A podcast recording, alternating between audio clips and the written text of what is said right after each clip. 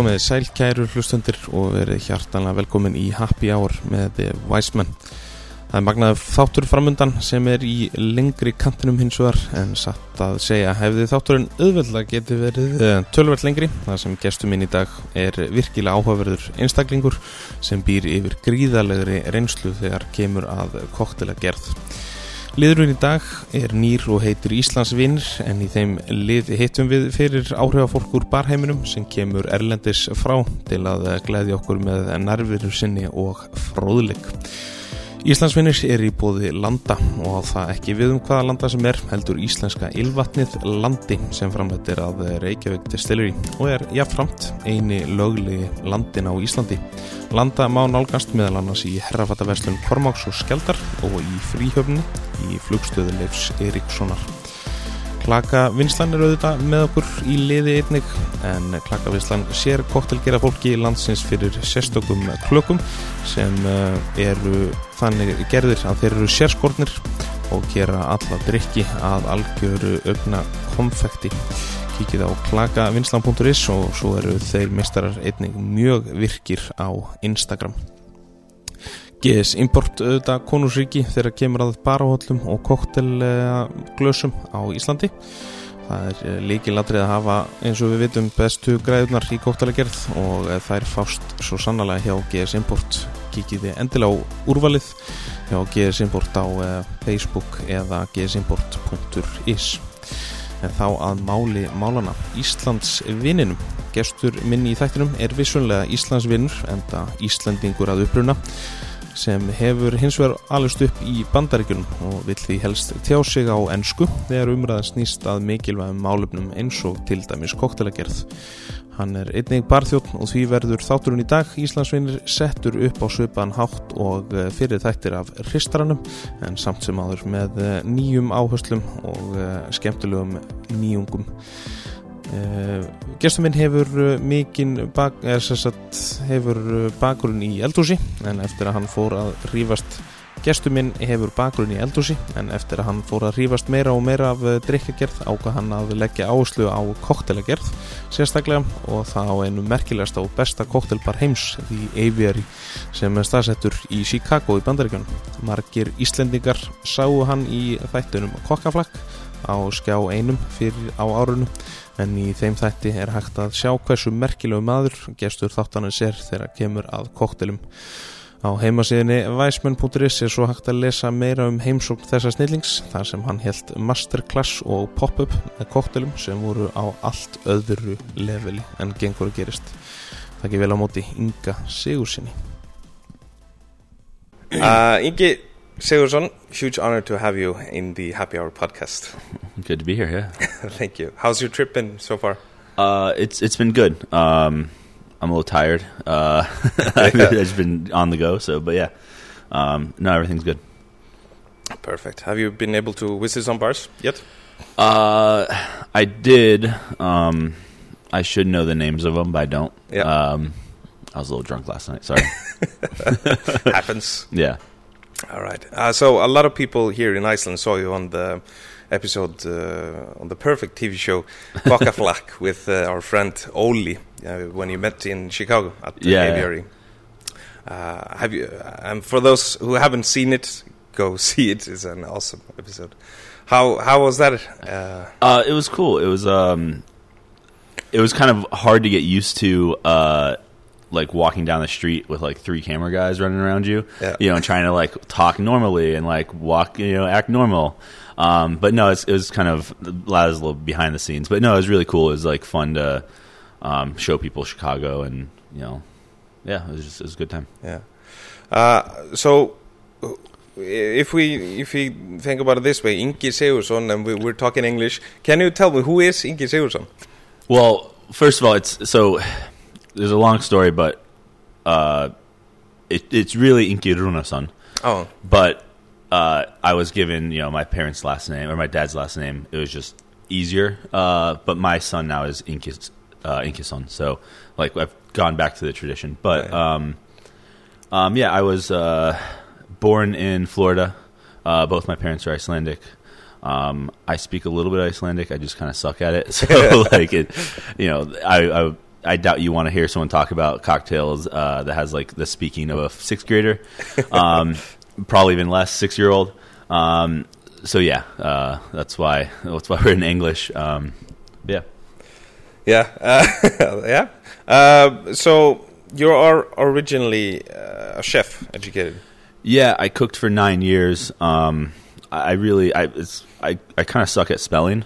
Um, so I like got into cooking as like, how can I do something I don't have to spell? Yeah. Um, and it, it originally was kind of how do I, you know, what do I do with my life? Let me try to find something that's like the easy route. Like in school, I, I went to like a vocational like cooking class kind of thing, half of my high school, Yeah.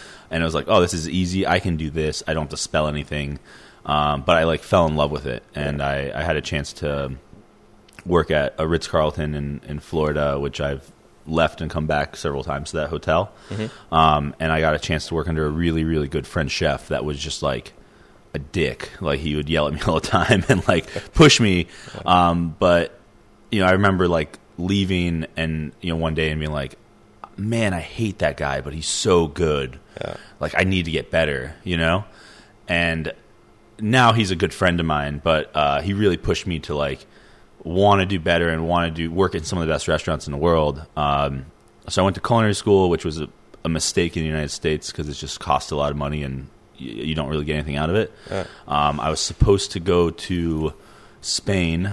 Um, I had a job set up at a Ritz Carlton there with the idea of getting closer to El Bulli and wanting to work at El Bulli restaurant, which you know at the time was the number one in the world and like super modern. I'm sure um, people are familiar with like well, oftentimes it's done poorly, but like foams and Yeah, yeah. spherification and stuff like that. They invented all that, so I was like, that was my focus. Let me work at one of the best restaurants in the world. Um, like two months before I went, the financial crash kind of happened. You know, Oh, yeah. uh, I know Iceland got hit really hard, but uh, Spain got hit hard, uh, not quite as hard. But uh, I got an email saying like, "Sorry, uh, we can't take you anymore." So um, I started looking like, okay, what's something in the United States I can do that's like safer? And uh, I kept coming to uh, the restaurant Alinea, and I was like, man, I want to work there. Like it's super modern, like El Bulli. They're doing really crazy stuff. Sorry, um, they're doing really crazy stuff, and uh, I just. I just wanted to do that, so uh, a friend of mine convinced me to send my resume up there, and uh, I mean, I didn't think I was good enough for it, and uh, I sent it, and they had me come up and do a two day stage. You know, it was like my dream to work there. I got there, and it was like terrible. They, you know, it was like everyone was really aggressive. Um, like I was scrubbing out a trash can, and I put it's a big metal trash can, and I, you know, took the trash can out of like the trash compartment, and I, I was putting it down, and like it made a little bit of a noise, and like someone came up to me and was like, "Don't fucking slam the trash on the floor, chef," and I was like. I'm working for free. like, I barely put it down, you know. And then the next thing, I'm like scrubbing it out, and I was done. And someone else came up behind me. and was like, "Is that really how you scrub out a trash can? This here, this here." And I was like, "Fuck, guys! Like, come on!" Uh, and it's just really aggressive, and it was kind of like my dream slapping me in my face, going like, "You don't really want this." Yeah. Um, but then they offered me a job, and I was like, "Fuck, I have to take it." You know, Yeah. uh, I kind of felt like it had been my dream for so long. I at least got to try. Um, so I, I moved up to Chicago with two suitcases and not knowing anybody. Well, my brother's friend let me stay at his couch. You know, Yeah. um, and uh, yeah, my first day, I was like, all right, I'm gonna stay here for a year. My first week, I was like, I'll stay here for six months. My second week, I was like, I got to make it three months, and then eventually three months hit, and I was like, I made it. Oh wait, I can keep going, and uh, but I did that for a year and a half, and that's actually what kind of put me in the, the bar world was they were opening the aviary and I was just burnt out. I'd been at Alinea for a year and a half, you know, three Michelin star, crazy restaurant, and just like I wasn't ready to be a chef somewhere else. I thought I had a lot to learn, but I didn't want to stay at Alinea anymore, and like I was just burnt out. I could have moved up the ladder um, and be sous chef, you Yeah. know, someday, but I just I don't think I could do it. Um, and the bar was opening. And I was like, I like drinks. Like I want to open a restaurant. At the time, I was like, I want to open a restaurant someday. It'd be good to know the drink side. So uh, I was supposed to be one of the opening bartenders. I uh, trained for a couple weeks in like a coach closet. It was like a coach house, like a um, attached house to the a restaurant where they did like the reservations and stuff. Yeah. Um, and you know, learned classics and kind of got into it and learned about spirits. And two weeks before we opened, they they asked me to be a sous chef instead of in the in the kitchen or Yeah. instead of the in the bar. Yeah. And like one of the best chefs in the world asked you to be a sous chef, you you do it. Yeah. Um, so I did that, and I, I did it for a year and a half. But like, I'd gotten, I'd fallen in love with cocktails. So Yeah, at yeah. that point, I decided like, again, starting to get burnt out. I didn't want to move to the bar because it had been a step down. Yeah. And the Alinea or the Aviary bar, excuse me, the Aviary bar is very different than a classic bar. Yeah. Um, We- We'll come back to that uh, a little bit later, but from from there you go Yeah. to to Ritz Carlton again. Yeah, so there's actually a, a little a little skip. I, I, when I left the aviary, I um, I tried to find bartending roles in Chicago, Yeah, and I left at like the worst time. It was beginning of winter. Um, and it's really cold. yeah, it's really cold. Then people like stop going out, you know, and all the bars that I'd like set up, talked about setting up stages. Like I, I left with a three month notice. Like it's great. I'll find a job. Uh, I set up some stages. They're like, well, we'll wait till you're done. And then when I was done, they're like, "Ooh, yeah, you can stage, but we're not hiring now." So I, you know, after like two months, I was like, "Shit, I'm out of money," Yeah. you know. Uh, and I took a job at a two Michelin star restaurant as a food runner because I was like, I need a job, and a friend of mine was a manager. Um, unfortunately, it was at the Trump Hotel, uh, so I, I leave that off my resume now, as you might imagine.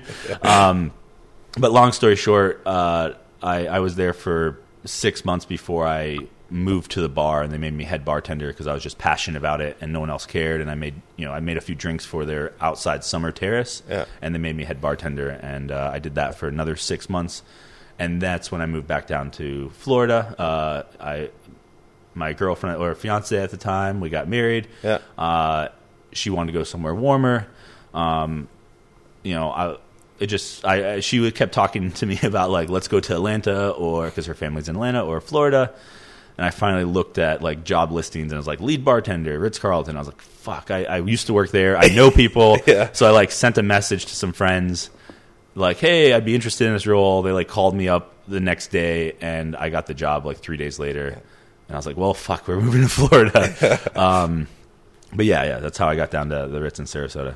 So that's more of like a so the your origin of, of like learning classic cocktails and stuff like that uh, comes from from from the Ritz or No. Um, so when I was at the aviary as a, a, a sous chef or in the kitchen, um, I would like taste the drinks that they're working on. I had learned about classic cocktails a little bit when I was supposed to be one of the bartenders there. Yeah. Um, and I'd leave, you know, after work, I'd go to um, a bar and like sit across from a bartender and like literally be on my phone looking up egg white cocktails and be like, "Can I get a whiskey sour with an egg white?" And they're like, "Yeah, it comes with an egg white."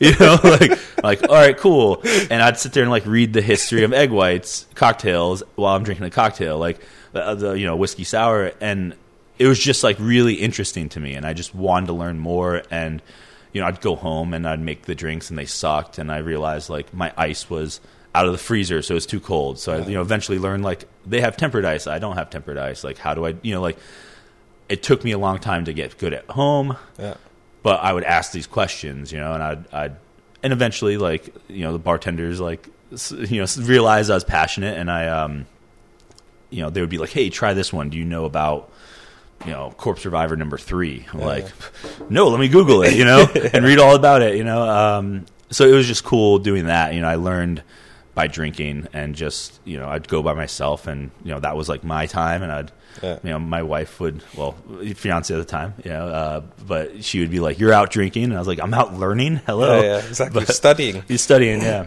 Um, but I just knew it was something I was really passionate about, and it was like learning how to cook all over again. yeah Um, so I just like jumped into it. Yeah. yeah awesome and then in 2015 back at the aviary Yeah. Um, uh, so I was in Florida for a year and a half. I, I, I ran the program there. It, it was going really well. I wasn't like looking to leave or anything. Um, and actually, my first son uh, was like two days before uh, his due date, and I got a text message from uh, who's now the beverage director for the whole Alinea Group. He was the uh, bar director at the time, Yeah.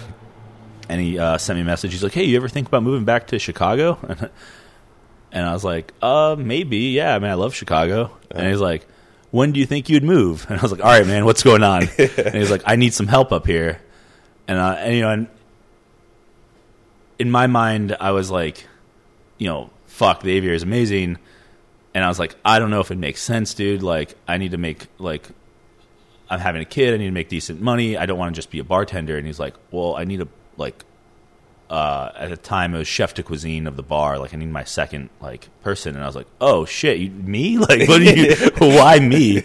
Uh, I'd been bartending at that time uh, for for two years. You know, like I, I, but we'd worked really close together when I was at Aviary um, as a, in the kitchen Yeah. and uh, you know they trusted my palate, they trusted my leadership. Um, they'd never had any of my drinks, um, but they just like we know your background. Yeah. You know, we can teach you make drinks if we need to. You know, Yeah. um, so yeah. So we uh, three months later, I moved, and my wife and kid moved three months after that. Uh, and uh, yeah, so I was there for three and a half years. Yeah. And uh, well, I've of course seen. You know, I haven't. Unfortunately, I haven't been able to to visit the aviary yet. Uh, but of course, seen the videos, the cocktail book, and stuff. You know, on the internet. So Yeah. kind of know what, what's going on there. But how would you describe the aviary? It's not your average bar. Yeah, so the whole idea was, you know, again, let's talk about a, Alinea real fast and Yeah. like the chef. You know, when they're talking about opening a bar, he was he knows the kitchen. You know, that's his background, and they're looking at it and he goes like, "Why does a bartender give you menus, ask answers questions about the cocktails, gets your order, makes the drink, or any cocktail that you want?" Yeah. um, you know, a normal bar, you you walk in and you know, I go to a tiki bar and I want an old fashioned. Like it'll still make me an old fashioned, right? So even if it's on menu, any classic cocktails, I'll make it. I'll take your food order. I'll put silverware out. I'll clear plates. I'll add water. I'll take your money. Like, why are all these other steps needed? Yeah. Um, you know, and uh, again, like in a restaurant, if you go to a French restaurant, you don't go like, "Oh, cool, kind of a side of fried rice?" You know, they're like, "Fuck you, no." Um, so why in a bar, a tiki bar, are you going to have an old fashioned? Why at a gin bar am I ordering a whiskey sour? You know, like we expect that, and it's great, and I enjoy that. Like, Yeah. but for the aviary, they said like, let's not do that. Let's treat it like a kitchen. Let's make the bar stations behind, uh, behind the lines or like away from guest. So bartenders there don't have any guest interaction. They're on a station. You know, they're a, you know in a kitchen. You have a fry cook, a grill cook, or Yeah, whatever. And there it was like, this is the shaken station. This is the carbonation station. Like this is the uh, pillow bag and uh, you know porthole station. You know, like and there's some overlap, of course, but you focused on three to four to five drinks, Yeah. and that's all you did. Um, so it made it really good. And, and originally it was, you know, we were open five days a week, and each station had a bartender, and that's the only person that made the drinks. So for two years, this is the only person that made the Jungle Bird drink. Like that's it. What we ended up doing was getting away from that because, uh, you know, you make five drinks for a year. Like, how boring is that? So we- everyone works different stations now, but um, but yeah, the whole idea was like, you know, it's heavy prep. Um, they're really elaborate drinks. It would be impossible to do them fast and at the volume we wanted to if the bartender had to do other things or make you know the whole eighteen drink men, uh, drink drink menu. Like, Yeah. so we we narrowed it down to X amount of drinks per person. Um, and then, and we don't really talk about it, but then underneath the aviary, there's a small bar that's like speakeasy style. It, it, it was a speakeasy before they weren't cool anymore. Uh, but uh, it, it is a really cool bar, and it's called The Office. And that one was, we knew we were going to get people going like, you guys aren't a bar. you're doing crazy shit like you know, I can't order a gin and tonic. You don't know classic drinks, let's say, because you, know, Yeah, you yeah. can't order one there. Underneath was our answer to that. So that is a dealer's choice bar, um, classic cocktails, or like 90% of drinks were like, what do you like to drink? Tell me what, you know, let's ask some questions and I'll come up with something brand new. Yeah. Um, so that was, um, like again, the answer to the, the crazy aviary one, but it's still just as crazy, if not more crazy, because like how many bars have that many dealer's choice drinks and not just like, oh, here's my repertoire of 12 drinks that I'm going to tell them that are dealer's choice, but I'll make the fit. Literally, I'm like, all right, cool. What fruit? Like, do you want raspberry? Do you want, you know, okay, do you want cucumber in there or anything? Like, like tell me what you want and I'll put it all in there and I'll make it taste good for you. Wow. Um, it's, yeah, it's kind of insane, but That, that's a small, uh, small uh, place. 25 as maximum seating. If Yeah. you're a bartender down there with 22 people in the room, you're like trying to survive, you know? Yeah. It, it sounds crazy, but when you're doing that many dealer's choice, it's just, yeah. Is, is it just one behind, behind the bar there? One bartender and one server. Oh, okay. And the server does like calligraphy for every check, and it's just, it's super cool. And we, we specialize in vintage spirits and stuff, which is Yeah. super cool and fun, but uh, yeah. Yeah, I could see that. And I honestly, I, I spoke to Oli the other day, and he said, even though he says it almost in, in second, you know, every second episode that is the best thing he ever had, he really, really, what was it, a truffle? Truffle infused, uh, I think it was chartreuse. Chartreuse, yeah. It was chartreuse, okay. yeah, he said he he said everything about that reaction was real. Yeah, uh, dude, it's so good. If you ever find yourself with truffles, white or black truffles, like shave them in some chartreuse or any sweet liqueur. I like an amaretto a lot as well. Yeah. Um, yeah, we had like vintage spirits, truffle infused spirits. We do vintage cocktails. We do barrel aged stuff, like actually done well, like in 200 liter barrels, like Negroni for five years. You know, like so it's it's so ridiculous that bar. Um, and that that's like the place where upstairs is like at the aviary is like have fun and do crazy technique and display and weird flavor combinations. Yeah. Downstairs was just like I want to come here every day. You know, upstairs like I want to go there to check it out. Yeah. For you know once a year for occasions or something like that. Downstairs like I, that's my like home bar if I could afford it. yeah, yeah. So you have more regulars there, basically. Or, Yeah, there's a few regulars. I mean, it's the price point. It's you know there aren't a lot of regulars, um, and there. I mean, there's there's own way. There's so many people that want to go down there. You know Yeah. that is always kind of changing, but Yeah. you know, awesome. I, I need to go there. Yeah. day. So, um, I mean, I I could honestly sit here for, for many, many hours and talk to you. Uh, but uh, I, I put down a list where we can, where I can get the most out of you at the shortest amount of time. Yeah, yeah. So I'm gonna have uh, some questions for you. Um, it's basically about your favorite uh, stuff, uh, and you know, just short answer. First thing comes to your mind. yeah, sure. Ready? I'll try. I might. I might. I might start talking again. Uh, so, what would you say is your favorite cocktail? I know it's a stupid question. I would say daiquiri. Yeah? and that's because it was the best. It was the first time I had a real cocktail. Was Mm-hmm. a classic daiquiri.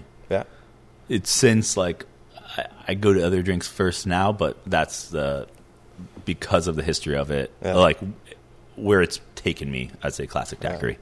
I mean it's simple, very simple Yeah. recipe. Yeah, I, I like yeah, uh, two parts rum, three. Well, I, I do it in ounces. Sorry, I can try doing it in mLs, but we'll do ounces. Two ounces rum, three quarter lime, three quarter simple syrup. Like that's my go-to. Light rum. I don't really like funky uh, daiquiris. I like you know like that's that's for me. Yeah, so That's- you, you would go for a, a light rum in, in Yeah, I, I enjoy light rums uh, in a daiquiri just because like that's what I drank for so long. I also never.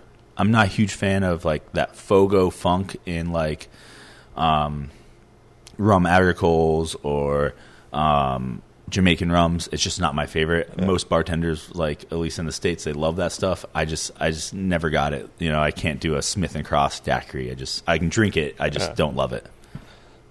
That was my short answer. You're welcome. That might as well be the next uh, question. What's your favorite rums? Uh, I, I'm not a sit down and sip rum kind of guy. Uh, so I would say like Flor de Caña four year, in a daiquiri. That's my favorite rum. Like if I have a rum in my house, it's gonna be for a daiquiri, Florida Yeah. Four year. Okay. Awesome. Uh, gin? You like gin? I, I do like gin. Um, it, I would say. I mean, I like London dry gins. I go Beefeater Yeah. is my go-to. Um, if you're doing a really simple drink, you know, like a, a classic gim, gimlet or like a you know fresh juice gimlet, like you can taste the difference uh, for me. But I feel like a lot of the gin drinks, there's so much going on. Unless you're tasting them side by side, uh, there's not a huge amount of difference between most London dries. Yeah. Um, I think uh, Beefeater just holds. That might be really controversial. There be, might be someone here being like, "Fuck you!" like our 300 gins are all different, which which is cool. Like Yeah, yeah. I just I don't perceive it. So like, there's not very often where I like have to go to a certain gin. Yeah, yeah. Um, but Beefeater just always stands up for me. Yeah. Uh, vodka. Do you do you use vodka? If if the guest wants it, I will. Um, I think. Yeah. Sorry, not so short answers again. Um, two thoughts on that really fast. Sure. I'll try and make it quick. Um, you know, if you're cooking chicken noodle soup, would you start with water? Or would you start with stock? You know, you might have heard that before. I don't know where I got that from, but it just makes so much sense to me. Like you want to add something that has more flavor to it. Um, now, I I also like to consider myself a bartender and not a mixologist. In my mind, a mixologist is someone that, and this is another like little one liner. Um, make sure I get it right before I say it. Hold on. Um, a mixologist serves drinks, and a bartender serves guests. Yeah. You know, and love that one. Yeah, yeah, I don't know where it's from. I wish I could give someone credit, but uh, It's so good though. Yeah, And yeah. it's so true. yeah. Yeah. And um, you know, I want to make delicious drinks. That's why I want to do to make my guest happy. Um, if they want vodka, not my favorite, but yeah, I'll make you a vodka drink, and hopefully you trust me, and I'll go like, hey, try this other drink, Yeah. and if you don't like it, cool, let's go back to vodka. Um, but I, I don't love vodka. Yeah. Right. Tequila. Uh, yeah, I I got sick off tequila when I was uh, in college. Who, uh, who hasn't? Yeah. Uh, so I had a hard time with it for a while, and then mezcal was even worse for me. Like I started getting back into tequila, and mezcal was worse. But then I started making more drinks, and now I'm like, I love sipping on mezcal. Yeah. I love tequila and drinks. Uh, my only problem with tequila and drinks, at least in America, like everyone associates it with a margarita. Yeah. So a paloma is like a grapefruit margarita. You know, like that's what everyone like associates it with, and it's really hard to make a drink that a, a sour drink Yeah. uh, with uh, with um, tequila that Isn't a that- twist of uh, yeah that people don't go like oh it's cool. It's like a XYZ margarita. It's Yeah, like this margarita. Like so my challenge with it is always trying to make it different enough. We can taste the tequila but it doesn't taste like a margarita or bring people to margarita so Yeah, Any uh, any brands that you? Um, th- there isn't like a, a brand that I, I go to. Um,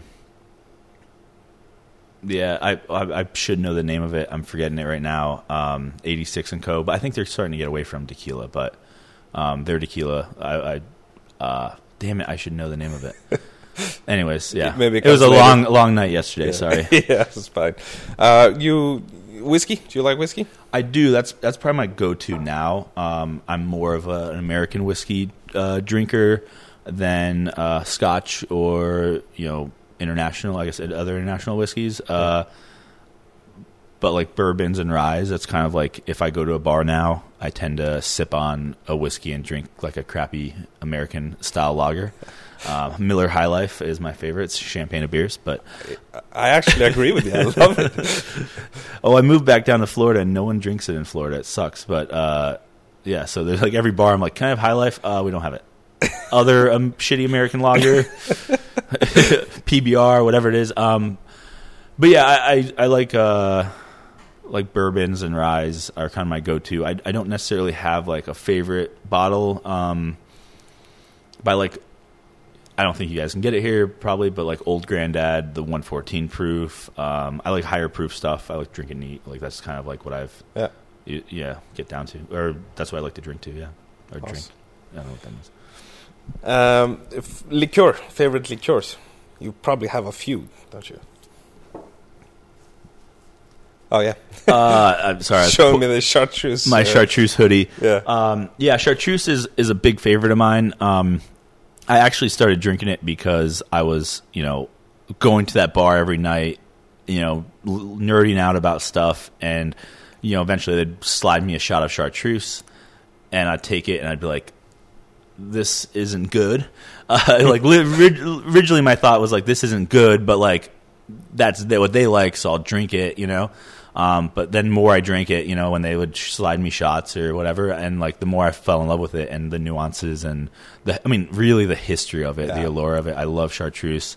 Um, but I don't think there's enough liqueurs on the market. Like I, I, I, I really wish um, there was more interesting stuff coming out. Yeah. Um, but yeah, Uh, beers, we covered covered that. You're, you're the champagne of beer, Miller High Life. I, yeah, I just never got into IPAs. Uh, I love bitter drinks, but like like Negronis and things like that. Yeah. But I feel like there's more sugar to balance it out, and like the hoppy bitterness, I just never got into. Because it you know, yes, they have a little more residual sugar. I just don't love it. Um, but yeah, I like a shitty American lager. I don't have to think about. Like I don't want to, you know.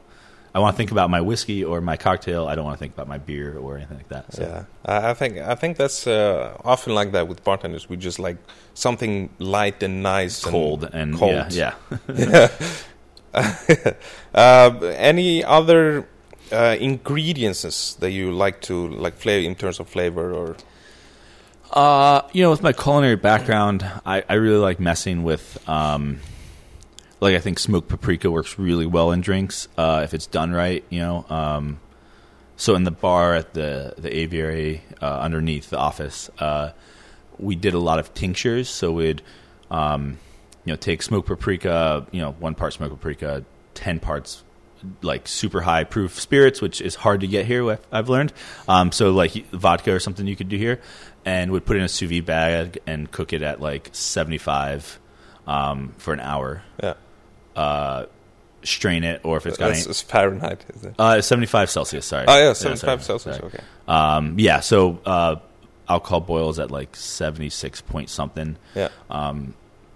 Sorry if anyone's googling this because it might be wrong, but it's it's 76 or just yeah 75 is just below the boiling point. Yeah. If you go higher, your bag can pop, um, which has happened many times to me. Yeah. Um, but yeah, we like to I like to just get it high temp for about an hour. It tends to get the best extraction of flavor for me instead of like long infusions. Um, even like green herbs, 75 for like 10 minutes in like high proof spirit like you come out it takes all the green color like tarragon's amazing. Yeah. um, but you can make such a cool back bar with tinctures you know and the, the make it really concentrated and you do a couple drops or a couple dashes in a drink and it's like so different you know and, and that office bar we had probably 60 tinctures at our disposal. So you know you wanted a dirty martini. Well i don't have olive juice because it's gross. Um, but i have an olive tincture and i got a saline solution and i'll make you something like it you know? Yeah. um, or like what you know i've smoked paprika. I'd like an anchovy tincture which was gross but like people would want to try it you know? Yeah. or bonito um, you know just weird stuff like that. Uh, you know i don't recommend all of those but um, just playing with what's in the kitchen uh, you know truffle tincture is amazing. Yeah. you can even do a fat wash with truffle oil if you don't want to spend crazy money on it. Yeah, yeah. Uh, but you can do a fat wash with truffle oil and a few drops in like a manhattan and like you know i end up getting sick of it but like the first time you try it it like blows your mind you know? Um, so yeah I, I i really like culinary ingredients that are made into a tincture like you know high proof super concentrated a couple drops. You know like i'd never put a quarter uh, you know 10 ml into a drink because it'd be way too powerful of any of those it's just super concentrated yeah. um, So it's just like in microns or yeah we use like pipettes it would Oh, be yeah, like yeah. you know three mls uh, would be like a lot you know Yeah. and you know we do five different chilies so if you wanted like chipotle smoky you know kind of rich or ancho that's like really raisiny or you know poblano that's bright but not too spicy, or fucking hab- habanero if you want Yeah. to blow someone's face off. You know, um, so like we did so much like that, and it's shelf stable.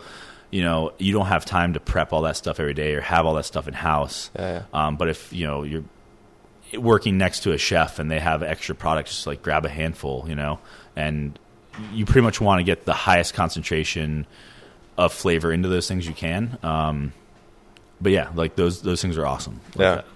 And uh, does it require a lot of like uh, organized stuff be behind that? Um, no, I mean some of the stuff like the green herbs, the green herbs will tend to uh, well, yeah. the green herbs will tend to like die off if you leave them out. Um, so put them in the fridge. Uh, but other than that, I mean, whenever you uh, you know see stuff, just make it. I, I really suggest trying to weigh it out if you have a scale. Yeah. Weigh it out and put it on the bottom of the bottle or something. Yeah. And the date you made it, because eventually they'll start dying off, but it takes like six months for the flavor to kind of dissipate, and even then, it's still there. Yeah, Um, but like the the recipe, the ratio, and the I'm sorry, just like the ratio, and then the um, the date it was made on the bottom. So when you need it again, you're not like shit. Like this smoked paprika doesn't taste as well as good as last one, or something like that. You know. Yeah, yeah. Are you a wine guy? You know, I want to get into wine. I just uh, I don't drink a lot enough of it. Yeah. You know, um, so I, I don't really. I know a little bit. I know enough to get by and, and talk to guests, but I, I don't know enough to like. This is what I might drink tonight and pick it out. You know, Yeah. Have you experience with with uh, using wine in in drinks? a little bit. Um, I don't think it's like champagne's nice because of the bite and uh, the bubbles, but so my personal style of cocktails, I like really big, bold flavors, Yeah, and wine isn't bold enough for me. You know, going back to like the tinctures, that's why I really like that stuff because it's like yeah. big and bold, and that's just my style. But so like wine just doesn't hold up enough for me. You know, I, I like when I was at the Trump Hotel, Yeah. uh, they were really trying to get me to make a sangria, and I was like, read everything I could about it, and um, like tested it so much, and like putting in hours and making oleo-saccharums and like trying to do a really awesome sangria. At the end of the day, it tasted like a sangria. Like it, it still tasted the same. Yeah, like yeah. it was a little better than the one down the street, but it's just it's so hard to work with it. Um, and it doesn't add enough flavor unless you put way a whole bunch in there, and then it's it tastes like a sangria. yeah, yeah. For me, I'm sure there's someone else there, out there that can make an awesome one, but I've not had a good one. Uh, wine drink. Yeah. So, champagne. That's that's something you would would I mean, drink. Everyone likes champagne. Yeah, uh, I was really lucky at the aviary and got you know, uh, you know, people would drop off gifts or you know whatever. So I, I got a couple of nice champagnes, and yeah, I mean, Nice. Yeah, I like I like good champagne. I like, do I know enough about it to, uh, if I did a blind tasting, you know, like Yeah. I could probably pick the better champagne, but would I think it's three hundred dollars more better, like more like higher quality, or like the Kmart one, or like the cheap one? Yeah. Like I'll tell a difference, but I won't realize how much of a difference it is. I, Yeah. It's a little bit lost on me, but yeah. Yeah. But I mean, who doesn't like Who doesn't like bubbles? Yeah, come on. All right. Uh, so here comes uh, uh, a tricky question. What's your favorite bar tool? Um, jigger. Yep. I mean, measuring stuff is so important. Yeah. Um, yeah, because uh, you can figure out ways to shake stuff. You know, like it's not fun to shake it in a Tupperware or something. You know, like plastic container. Like, but to measure stuff, it's so important. Yeah. You know, So a good jigger is. Uh, I mean, just more the importance of it. You know, like Yeah. what it represents to like you know. Uh, you have this free pour bars like in New York, like Yeah. em- employees only. like, and it's on the top fifty list almost every year. I don't know if it is this year, but like, they don't make amazing drinks. Like they make drinks that you can drink, and you're not like, you, they don't suck, but they're not great. You know, yeah. and I, they're definitely not the best whiskey sour or Manhattan I've or old fashioned I've ever had. I've had better at you know a bar that not even close on the top fifty list. Yeah. Yeah. Um, so that just you know. Anyways, sorry to, to, to dig on employees only there. Uh, Uh, cocktail books. I mean, you you came, you were working uh, on the aviary cocktail book, which is for me one of the most amazing cocktail books ever. Yeah. Um, well, I can get into that a little bit, uh, but other cocktail books, I, I never got into them. Um, I tried reading like uh, Dave Wondrich's uh, Imbibe, Yeah, you know, and like falling asleep, you know, while you're reading it. Like it's just so dry. Um, and then the other cocktail books, there was very few on the market, at least when I was like really trying to absorb all this stuff yeah, that weren't just like here's a list of classics and a couple of our own, you know. And luckily, I think it's getting away from that. yeah, Um, but if you know, there's so many resources out there. If I want to know what an old fashioned is, like I can look it up. I don't need to buy the you know PDT book or anything like Yeah, that. Um, but there's a few that sound like they're a little more um, educational and like stuff I would have loved when I like had more time to read uh, about cocktails. Like I know Cocktail Codex is supposed to be really great. I have the book. I've, Yeah. I've looked at three pictures in it and put it on my shelf. uh, you know, and I, it's won all these awards. It's probably great. I just I haven't read anything in a while. Um, yeah, and then the aviary book, uh, it's so different than anything else, and it's so Alinea Restaurant had uh, has a, a cookbook, yeah, and the cookbook was a total like fuck you to all other cookbooks out there. It was the only one in America that was um, released only using gram, like gram weight. You know, even the French Laundry cookbook was like, I think they had grams, and also you could do like cups and tablespoons and stuff like that. And they're Oh, like, yeah. that's not how we do it. We're just gonna, we're gonna give you the recipe how we do it. yeah, Um, and then the aviary book, we even went further uh, in some ways. In like, we had a robo, rotovap, and some of the drinks require a rotovap. Like, Yeah, yeah. it's a twenty thousand dollar piece of equipment, you know, lab equipment that you cold distill stuff. Like, I don't have one at home. Like, Yeah. Why? Why the hell do I need this recipe in the book? It, that recipe's for twenty people out there, Yeah. um, but it's how we do it, and that's why we put it in there. Yeah, we put a couple of like you could do it this way instead on a few of the recipes. Yeah. Um, but we really wanted to say like this is how we do it, and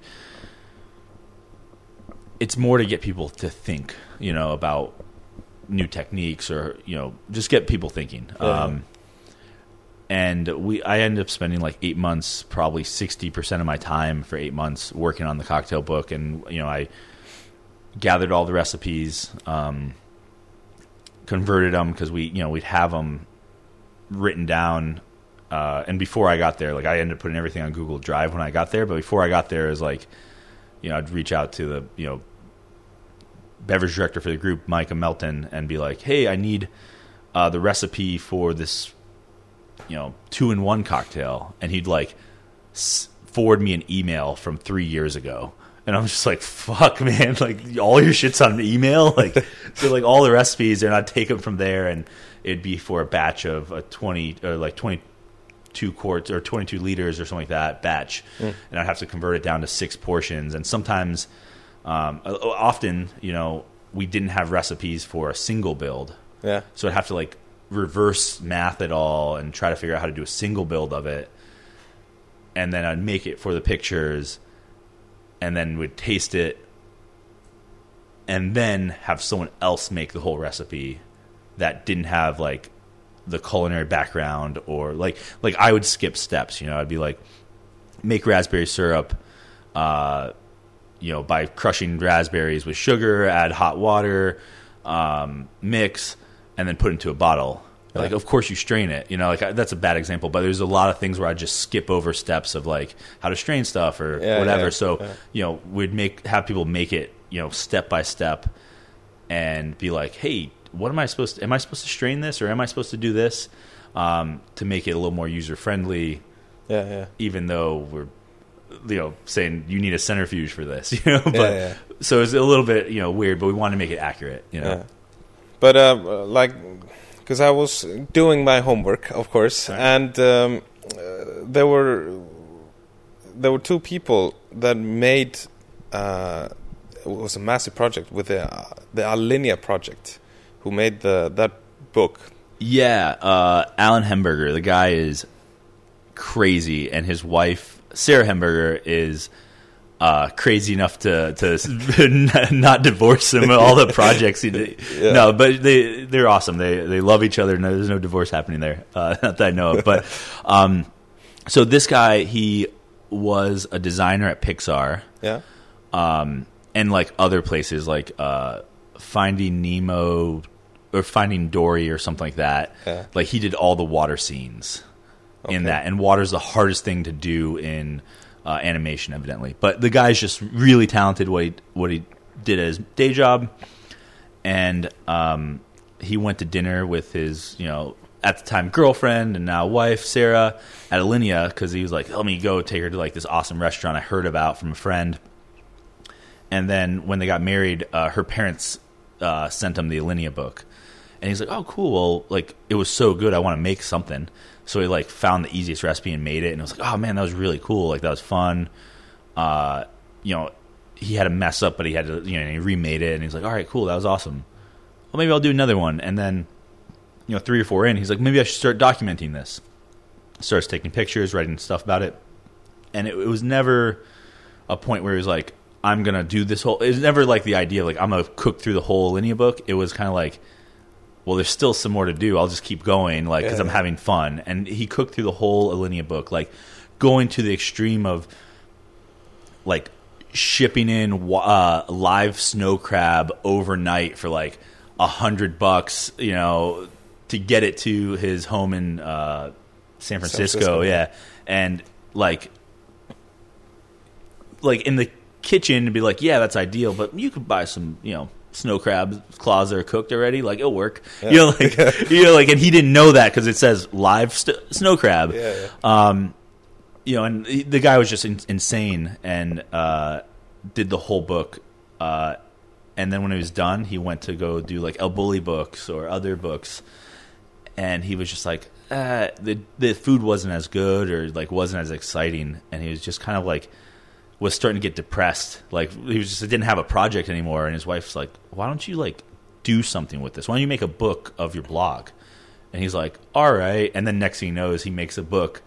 Uh, you know, he went put it on Kickstarter. Enough crazy people, you know, backed him, which like is insane. But um, but he wrote the book and he sent like two copies to like one to Grant Achatz and one to Nick Kokonas, uh, so the chef of Alinea and the the f- main financial backer of Alinea Yeah. And uh, literally three hours later after getting the book nick called him up because they had you know spoken enough over email when he was trying to figure out recipes. And nick was like dude you're fucking crazy. Let me send you an email. And he's like oh hey what's your phone number? Anyways they got his phone number and he, he he calls him up like two hours after getting the book and was like you're fucking insane. Like what are you doing? This book is better than our book. Like what and he's like, "Oh well, I don't." And super humble, like modest guy. And he's Yeah, like, oh, "I don't. Uh, it's, it's all right. Yeah, there's definitely a lot of stuff that I, I could have done better." And he's like, Nick just was like, "Dude, you got to come to Chicago. We'll, we got to figure out something to do together." Yeah. Uh, and he's like, "Oh, I don't. I couldn't do anything like that." And uh, he eventually, like, eventually convinced him, like, "Let's do this." And then they got pregnant, and he's like, "I can't afford to do like that." Big of a change, you know, like health insurance and things like that. So Yeah. they waited a couple years, but after their daughter was like two, they they moved to Chicago and they they hired both of them. Uh, Sarah also worked in like um, not Pixar, but in like animation and stuff. She was more like uh, drawn, like computer drawn animation stuff. Uh, incredibly talented uh, as well. Um, but yeah, so they came to Alinea or the Alinea group, and the first book they did was uh, the Aviary uh, cocktail book. Yeah. And I worked with them.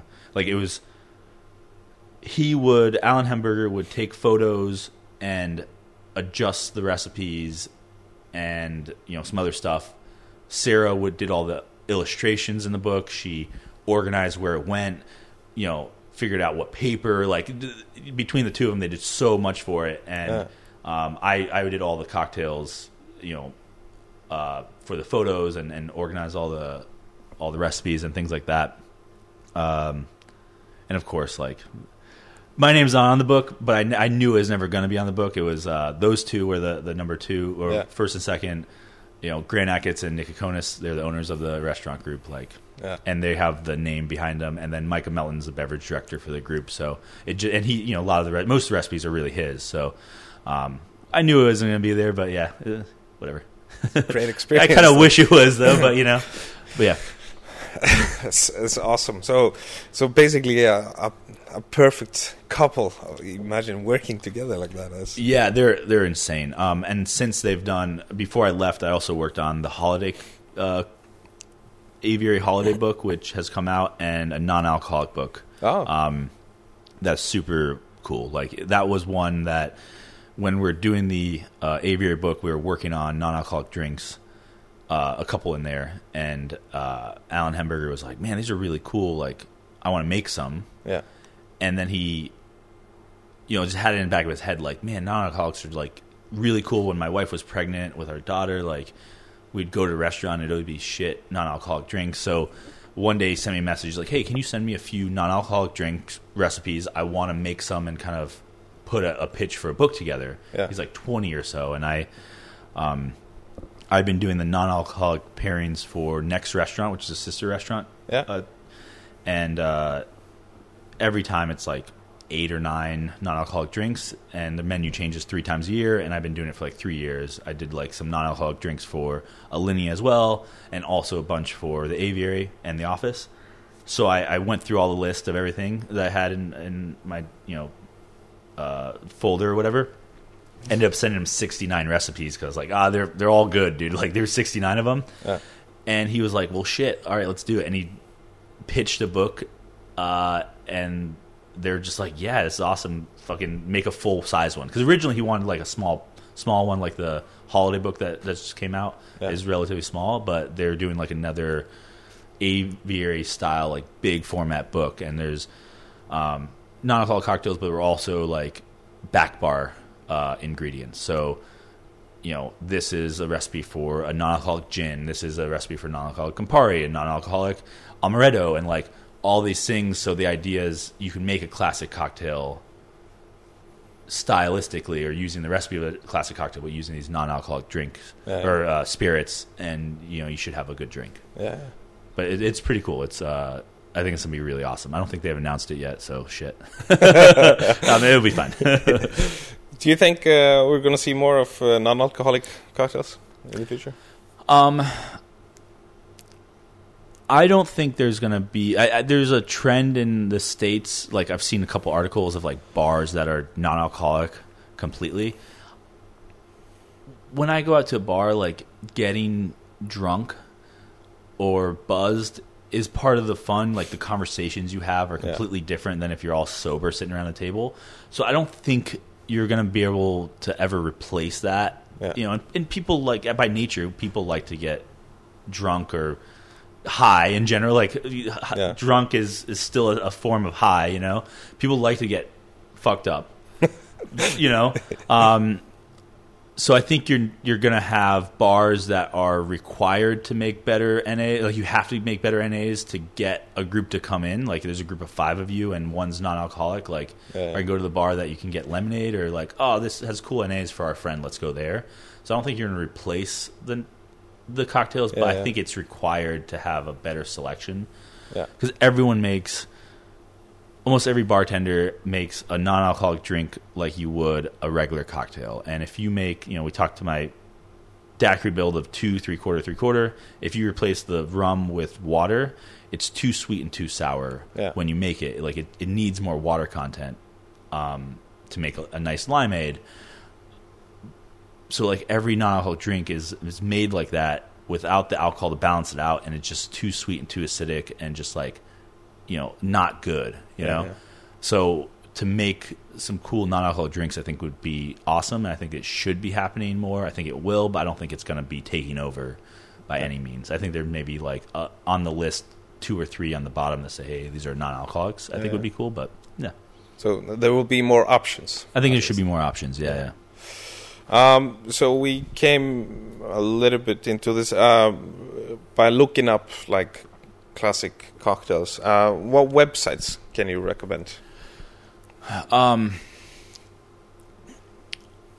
honestly, I don't like if there's a a classic cocktail that someone orders from me, Yeah. and you know, I'm like, yeah, I got you, and I'll go, I'll Google it. There's not like a website, and I'll look at two or three recipes, Yeah, yeah. and just be like, all right, either they're all similar, or like this one stands out as being you know garbage, and these other two are good. Yeah. Um, yeah, I mean, I don't really have a, a favorite, go-to. a go-to. Yeah, I'm sure there's some good apps out there and stuff. I just, I, I haven't had to make classic cocktails in so long that yeah. it's not really that big of a deal for me. So Yeah. I'm not like really thinking about it. Unfortunately, I, I wish it was a better answer, but I just Google it. Um, favorite cocktail bars. Let's take Chicago. Um, well, it's it's different now since I have two kids. I haven't gone out a lot. I would say one of my favorite bars, and it's not my favorite to go to now, but it was Sable in uh, in Chicago because that's where I sat and like learned across from really great bartenders. Yeah. And since I don't think they're doing as cool of a program, um, I, I would say now if I, I had to pick favorite bars to go to, it would be Lost Lake in Chicago is awesome. Uh, it's been a while since I've been here, but uh, Amor y Amargo Yeah.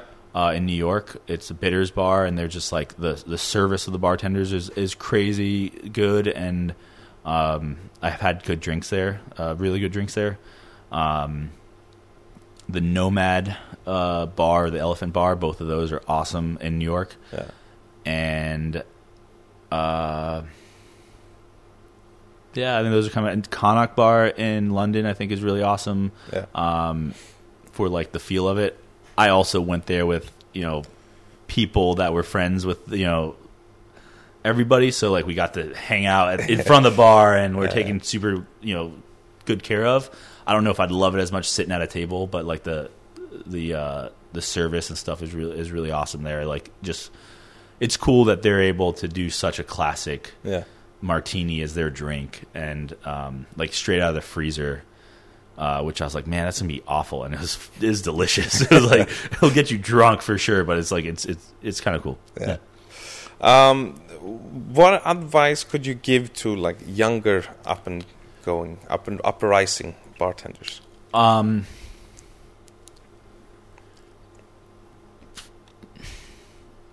like try to have the highest standards you can. Like there's nothing worse than going to a bar and paying a bunch of money for a cocktail and like you know, not that you get lime wedges on craft cocktails often, but you know, we've all seen the lime wedge that's turning brown on the outside, you know, cuz you didn't cut new ones that day. Like fucking throw them out. Yeah. Like it, it- you don't want to drink that. Like you don't like ugh, it's just old. Like it sucks. So like don't cut corners like that. If something's wrong, Yeah. don't serve it if you can, you know, or yeah, I mean if you if you're making a drink and you're like at the place you're not allowed to throw away booze, like that sucks. But if you're able to throw a drink away because it doesn't taste good, like do it. Yeah. Um, you you shouldn't serve people garbage.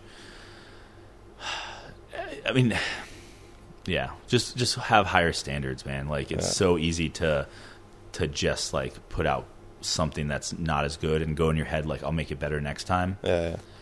yeah. Um, but yeah, I mean that's that's kind of not like in a cocktail world, or not really like answering for like how to make a good recipe or anything Yeah, like that. But uh, work. Uh, here's another one: work under people that are better than you. Yeah.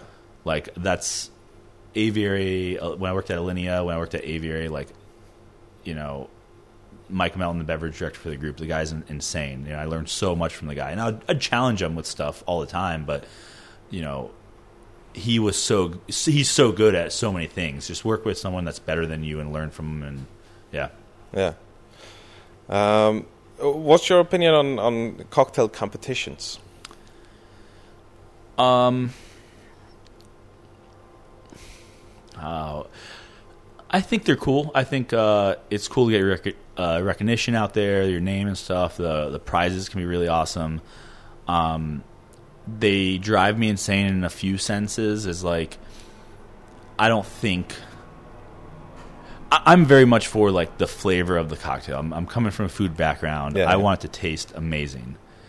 and that doesn't necessarily make sense for a craft cocktail competition because if I'm, let's say, yesterday Bacardi, you know, or maybe Bacardi Legacy was le- recently here in, in Iceland.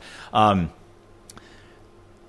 they, it doesn't make sense for them to pick based just on flavor because there's five people that are going to taste that drink Yeah. if you're a good spokesperson, if there's an awesome story behind the cocktail, if you can be a brand ambassador for their rum, Yeah. that's what they want. So I- personally want cocktail competitions to be flavor based. Like I want to be the best drink wins because I love good tasting cocktails. Yeah. But they want they're paying all this money they need to market it you know Yeah. if it if it looks boring or if the person who's making the drink is quiet and kind of shy or you know doesn't have like that take over a room personality Yeah. it doesn't make sense to win you know that drink to win Yeah. yeah. um you know they're trying to sell rum they're not trying to you know To make a new start. th- yeah, they're not they're not trying to figure out what the best drink is Yeah. in the world. They're trying to figure out who's going to be the best person to sell more rum. Yeah. So, I think they're cool. I think they have a lot of uh, good things to them, but like, I want it to be the best drink in the world. They want it to be the best, you know. Show same thing with top fifty lists. That drives me insane. Like Yeah. I want it to be the best cocktails in the world. Like I want it to be top fifty best tasting cocktail bars in the world or whatever. But it's best fifty bar in the world. I talked about you know employees only. Yeah. Super fun.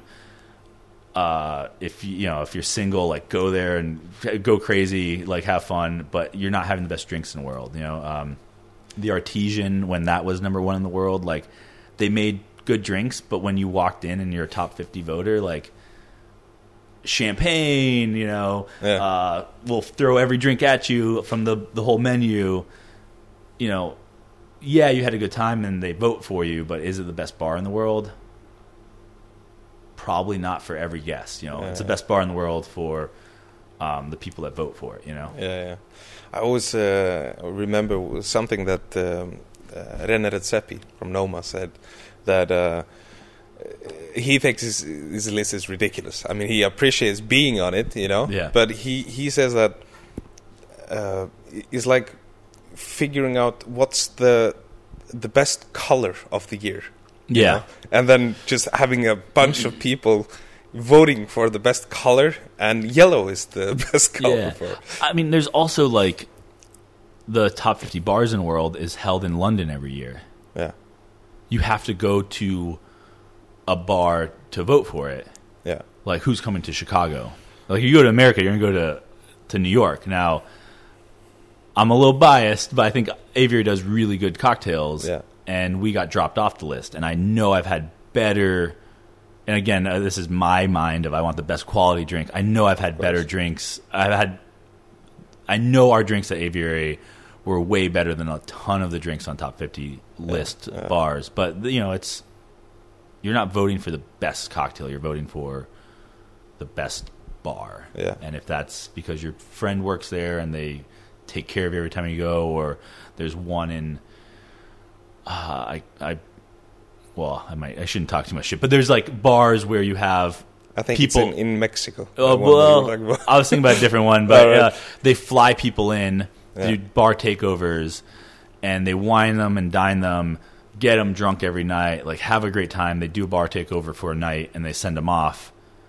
Well, you just paid for someone to visit your bar yeah. um, to vote for you, Yeah. you know, and you do that enough, and they're on the top fifty list. I think they did really well this year. Yeah, and I mean, because I I was I've been traveling a lot uh, around the states for for the past two years, and I mean, these people aren't really visiting like the smaller cities. I mean, for example, Detroit, Yeah. amazing bar scene. Yeah, there's some really good bars. Yeah, Uh, Pittsburgh, another one, really surprisingly good bars. You know, so the, Yeah. the smaller cities are are really getting the hang of it. Yeah, I mean, so when I moved to Chicago uh, 15 years ago, not 15, 10 years ago, sorry, whew, 10 years ago, uh, to uh, cook at Alinea, like there was one good bar in all of Chicago, and there was like another one that was coming up but it was like Violet Hour and a bar called the Whistler. Yeah. I worked at Alinea for I was in Chicago for three years. Left. I was in Florida for a year and a half. I came back, and on my f- plane ride back to be, uh, you know, chef de cuisine of the bar at at Aviary. Um, I was reading an article on the newspaper er, in the in the uh, in a magazine on the airplane, and it was ten must try craft cocktail bars uh, this year in Chicago. Yeah. like or no 10 new craft cocktail bars are like must try in chicago and it was like 10 of them? Fuck man. Like this is just four and a half years ago there was one. Yeah. and now there's 10 must try brand new cocktail bars. Um which is awesome though. You know people are going away from you know people are, are going toward good quality good tasting drinks you know? Yeah. um, we're you know the martini list with sour apple martinis are dying off, and you know even in Kalamazoo, Michigan, like you can't muddle uh, red cherry, an orange uh, slice, and a sugar cube with some soda water on it to make an old fashioned anymore. Like you have to make a good old fashioned Yeah. um, or your customers won't want to be there. You Yeah, know, Uh, so I think it's super cool uh, how far the the craft cocktail world has has come, and it. I mean, it's going to keep going. I don't think it's a trend because it's a better product. Like people want to drink better. You know. Yeah.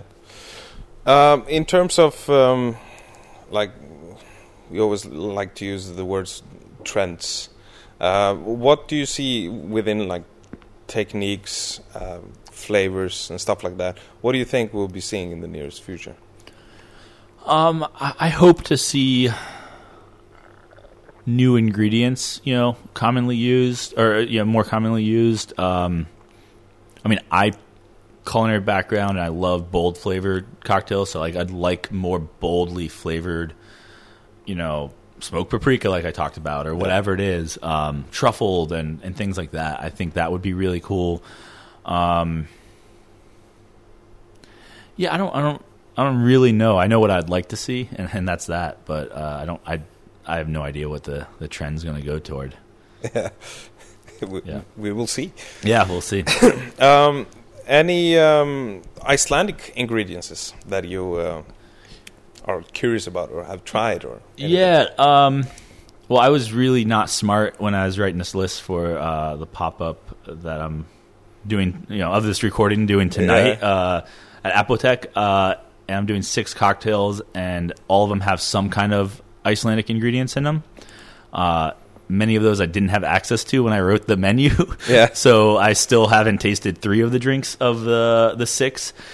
Um, but yeah, I think there's like like Hangikjöt, as weird as it is, like it's super smoky, and I don't think it's it's got a little bit of like it definitely has that umami like meat savory flavor, but the smoke on it's so unique. Yeah. Um, so I'm like using that in a cocktail. Um,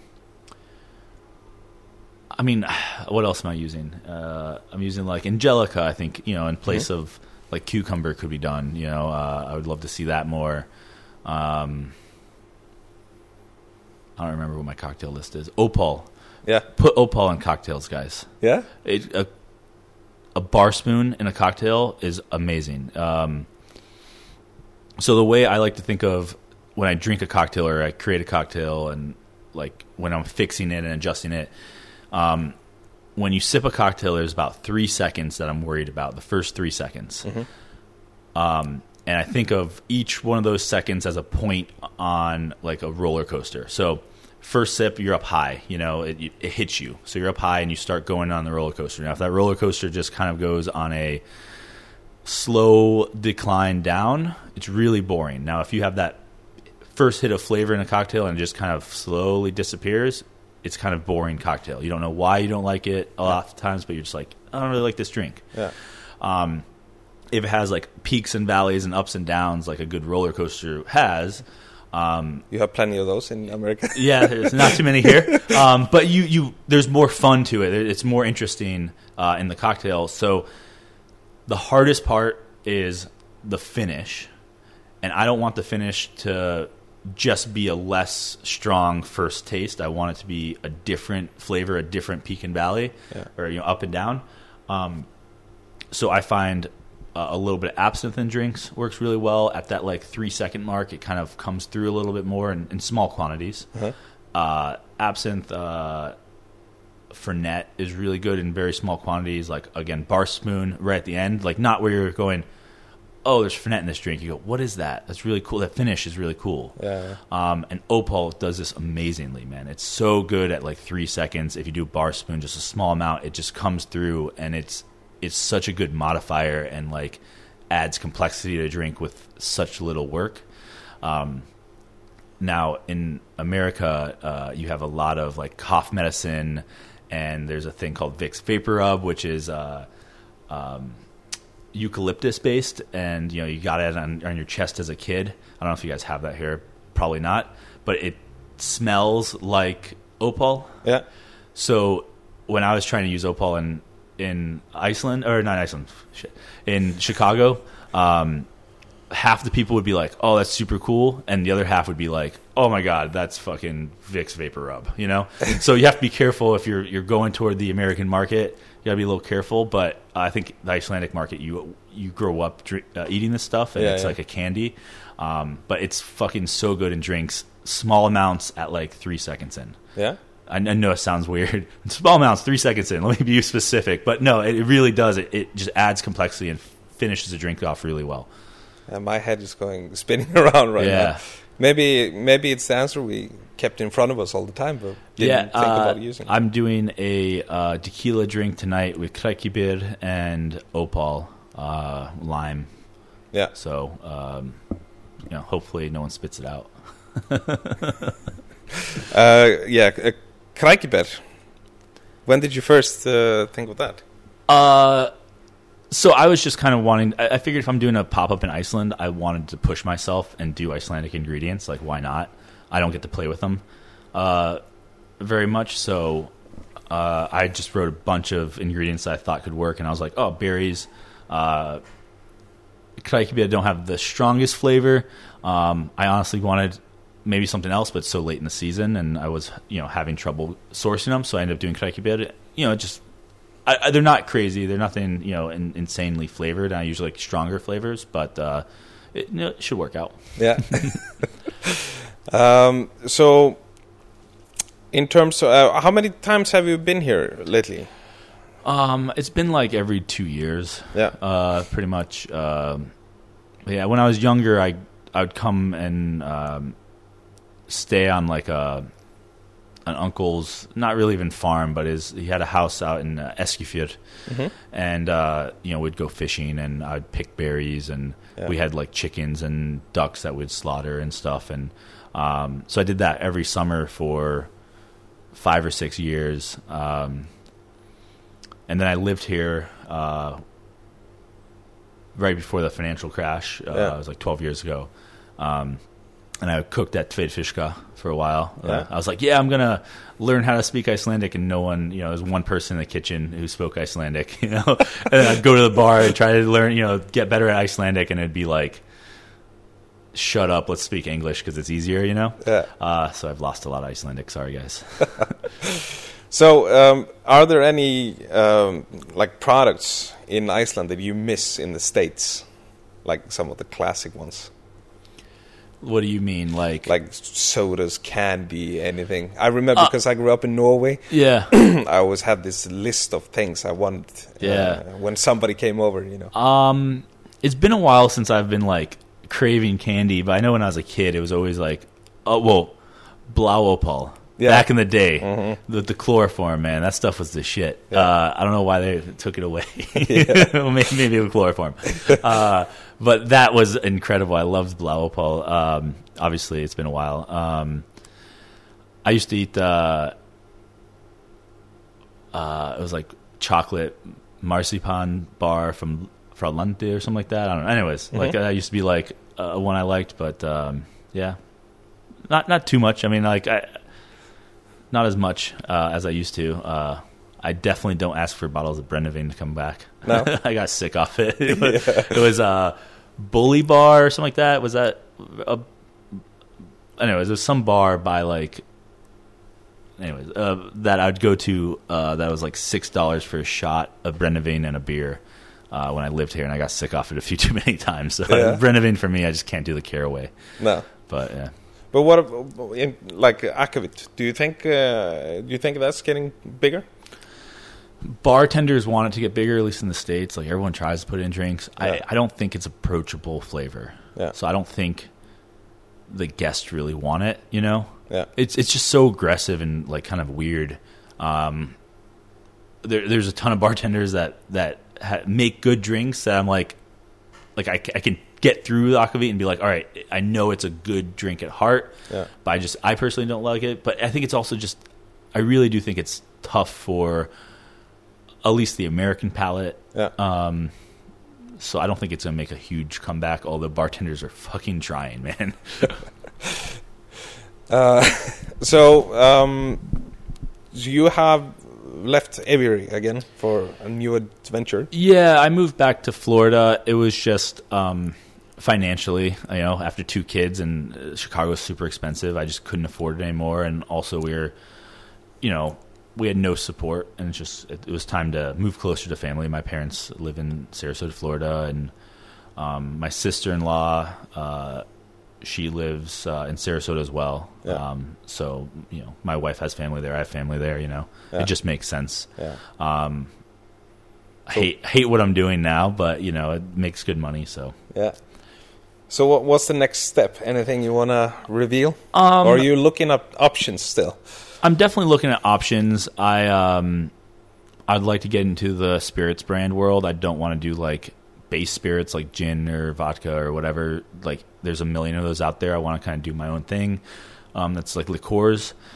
Uh, that's kind of like my main focus. I'm, but I'm I'm totally open to options. You know, I keep uh, I've been really fortunate, and I get a lot of messages of like, "Hey, would you be interested in this?" I'm like, "Let's talk about it." You know, Yeah. like, um, it would be cool to move back to Iceland or yeah, to move to Iceland. I've never like lived here more than six months Yeah. or seven months or whatever it was when I, I lived here when I was 20. Um, I think it'd be cool. Uh, you know, I, I literally was talking to my wife about it a little bit, and I was like, yeah, it'd be difficult to move to Iceland. There's better health insurance, better schooling, a lot less crime. Uh, Iceland is fucking probably pretty cool for to raise a family, you know. Yeah. So, um, yeah, I don't know. I, I really have no idea. I know, uh, like right now, I'm back at the Ritz Carlton uh, in Sarasota, but I'm there's like a beach resort, and I'm uh, like the lead for the beach resort over you know pool bar and a tiki bar that's like crap tiki, like garbage tiki.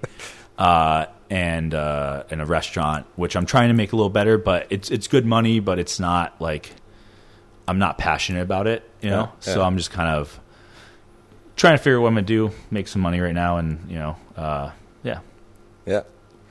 We will we will see. Yeah. We will we will watch you from, Yeah. from the other side. for for now, I'm making uh, really bad uh, mai tais with like orange juice and pineapple juice on the beach. So it hurts every day, but uh, I'm changing the menu uh, soon. I should be changing, so I'll make a little bit better drinks. But yeah, it's tough. So I have some gifts for you. oh, all right, I like Uh, gifts. so here is a, a blueberry liqueur. This is a gift from um, a local distillery, uh, Reykjavik Distillery. Uh, Akavit, because you love it so much. Sorry. and Angelica. It's, oh, very cool. I it's- heard about this the other day, and I haven't tried it yet. So Yeah, it's uh, it's not uh, London Dry. It's uh, a special, uh, special made from Icelandic botanicals. nice. And then, of course, Landi, the Icelandic perfume. oh man, awesome. That's super cool. Uh, Ingi, thank you so much for uh, taking the time, and uh, have a lovely stay in Iceland. Oh, thanks. Yeah, And we will be uh, be in touch for Yeah. sure. cool. Awesome. And good luck on on your next adventure. I appreciate it. Yeah, thanks for having me. Thank you. Þar hafið það kæru hlustundur í lókin langar með að benda á samantækta viðtal mínu við Inga og annað áhugavert sem eh, kom fram í þættinum. Það má nálgast á eh, heimasíðinni weisman.is og svomlega skvæti ykkur til að tjekka á Weisman á eh, bæði Facebook og Instagram. Ég langar að þakka ykkur fyrir að hlusta og vona innilega að þið hafið dreigið einhvern lærdom af. Það gerir ég að minnstakosti en það engi því líkur fagmaður. En þá gott er næst Wiseman out